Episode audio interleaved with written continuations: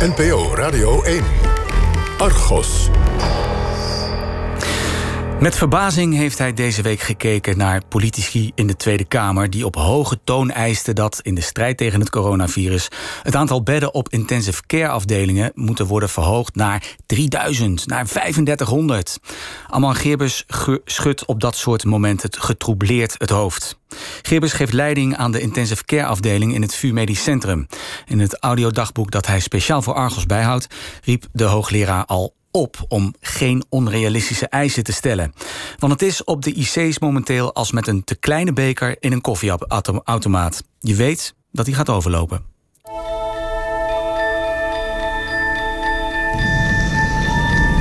Vandaag is het uh, vrijdag 3 april. Gelukkig vannacht goed geslapen. Ik denk dat dat de belangrijkste sleutel is om iets te kunnen volhouden op dit moment. Is dat je goed slaapt. Nou, geen keelpijn, geen hoesten. Geen berichten van eh, medewerkers die klachten hebben en getest moeten worden. En langzamerhand zien we dat we tot het randje gaan. Hè. Het is eigenlijk alsof je een kopje onder een automaat zet... om eh, daar wat eh, lekkere koffie uit te halen. Je hoort eerst dat de koffie gemalen wordt. En terwijl die koffie gemalen wordt, bedenk je opeens dat je een te klein kopje hebt, wat eronder gezet is. En dat je twee keer op het knopje koffie hebt gedrukt. En we zijn nu vlakbij het randje en je weet dat het gaat overlopen. En iemand roept van, er moet een grotere beker komen, maar die grotere beker die is er niet. Dus het gaat overlopen. Nou, een van de dingen waar ik mee geconfronteerd word... is dat patiënten waarvan we dachten dat ze geen covid hadden... dat ze dat achteraf toch blijken te hebben. Ondanks al onze controles. En het vermoeden bij mij wordt toch wel steeds sterker... dat een veel groter gedeelte van de populatie, van de mensen... covid heeft of covid heeft gehad... zonder heel veel symptomen zijn toch nog een heleboel dingen die we niet begrijpen van deze pandemie. En misschien is dat ook wel goed nieuws. Dat er wellicht veel meer mensen zijn die het uh, gehad hebben in een uh, lichte vorm. Of nauwelijks waarneembare vorm. Je zou nu eigenlijk zo snel mogelijk onderzoek moeten hebben naar wie het allemaal gehad heeft. Is er druk mee bezig om uh, tests te krijgen op antilichamen.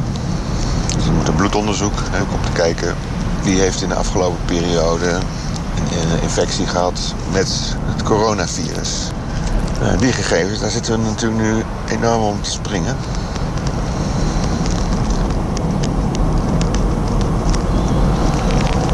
Ik denk dat het ongeveer 10, 15, ja, 15 jaar geleden is.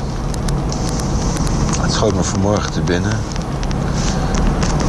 dat ik als uh, scriptschrijver meegewerkt aan een uh, tv-serie. En die tv-serie die heet uh, Intensive Care, IC. En de hoofdrol werd gespeeld door een buitengewoon goede acteur, Mark Rietman. Mark Rietman die speelde, nou, die speelde eigenlijk mij. Tenminste, mijn positie als hoofd van een intensive care. En om die scripts te schrijven gingen we met allemaal scriptschrijvers en uh, regisseurs naar uh. Om daar opgesloten te worden in een hotel. En dan gingen we die scripts uh, schrijven. Nou, mijn bijdrage was met name om ideeën aan te leveren. En dat waren dan dingen die ik meegemaakt had. En ook om te zorgen dat het niet allemaal medisch onmogelijk was wat er gebeurde. Nou, had ik wat dingen verteld wat ik in tien jaar had meegemaakt. En van al die punten in tien jaar meegemaakt, werd dan één aflevering uh, geschreven.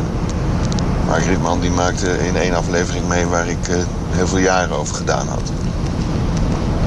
En ik herinner me nog heel goed discussies dat dingen die ik dan verteld had, die werden dan wat overdreven of het klopte niet helemaal meer. En dan zei ik van, uh, dit kan helemaal niet. Dit, dit is niet zoals het toegaat. En dan zei de producer, ja, allemaal het is geen documentaire, het is een film, het is een serie, het is een aflevering van een televisieserie.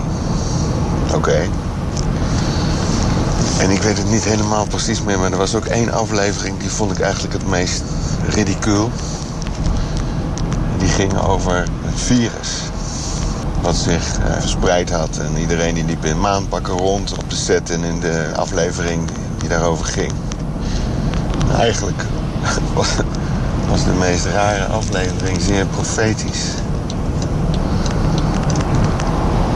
Nou, mijn werk is in ieder geval zometeen weer om met de waan van de dag bezig te gaan. Ja, ons vak dat gaat altijd over alles of niks. En mensen bij wie het over alles of niks gaat, die hebben geen interesse in statistiek. Hè, wordt vaak vergeten. Als iemand zegt van ja, nee, maar de kans dat je krijgt en dat je eraan overlijdt, die is heel klein.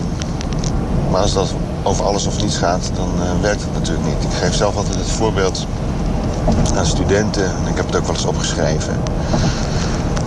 Dat je vraagt aan iemand om met uh, twee dobbelstenen te gooien. Dan zeg je, nou, als jij die twee dobbelstenen gooit en je gooit 3, 4, 5, 6, 7, 8, 9, 10, 11 of 12, krijg je 10 miljoen euro. Nou, dat klinkt als een aantrekkelijk pot. Maar als je twee gooit, schiet ik je hele familie dood. En dan krijg je natuurlijk de kans om 10 miljoen te winnen opeens een heel ander perspectief. En de kans om 2 te gooien is 1 op 36. En dat is minder dan 3 procent. Of toch iedereen zou zeggen van tevoren 3% kans op iets ergs. Nou, dat is niet zo groot. Maar als het gaat over alles of niets, zijn ook kleine kansen heel groot. En aangezien mensen ook hele emotionele wezens zijn, wordt er ook hele emotionele beslissingen genomen. Er is een tijd geweest dat ik dacht dat de ratio, het verstand het belangrijkste was. Maar met het ouder worden en uh, wat ervaring heb ik geleerd dat dat een misvatting is. Ik had dat graag eerder geweten, maar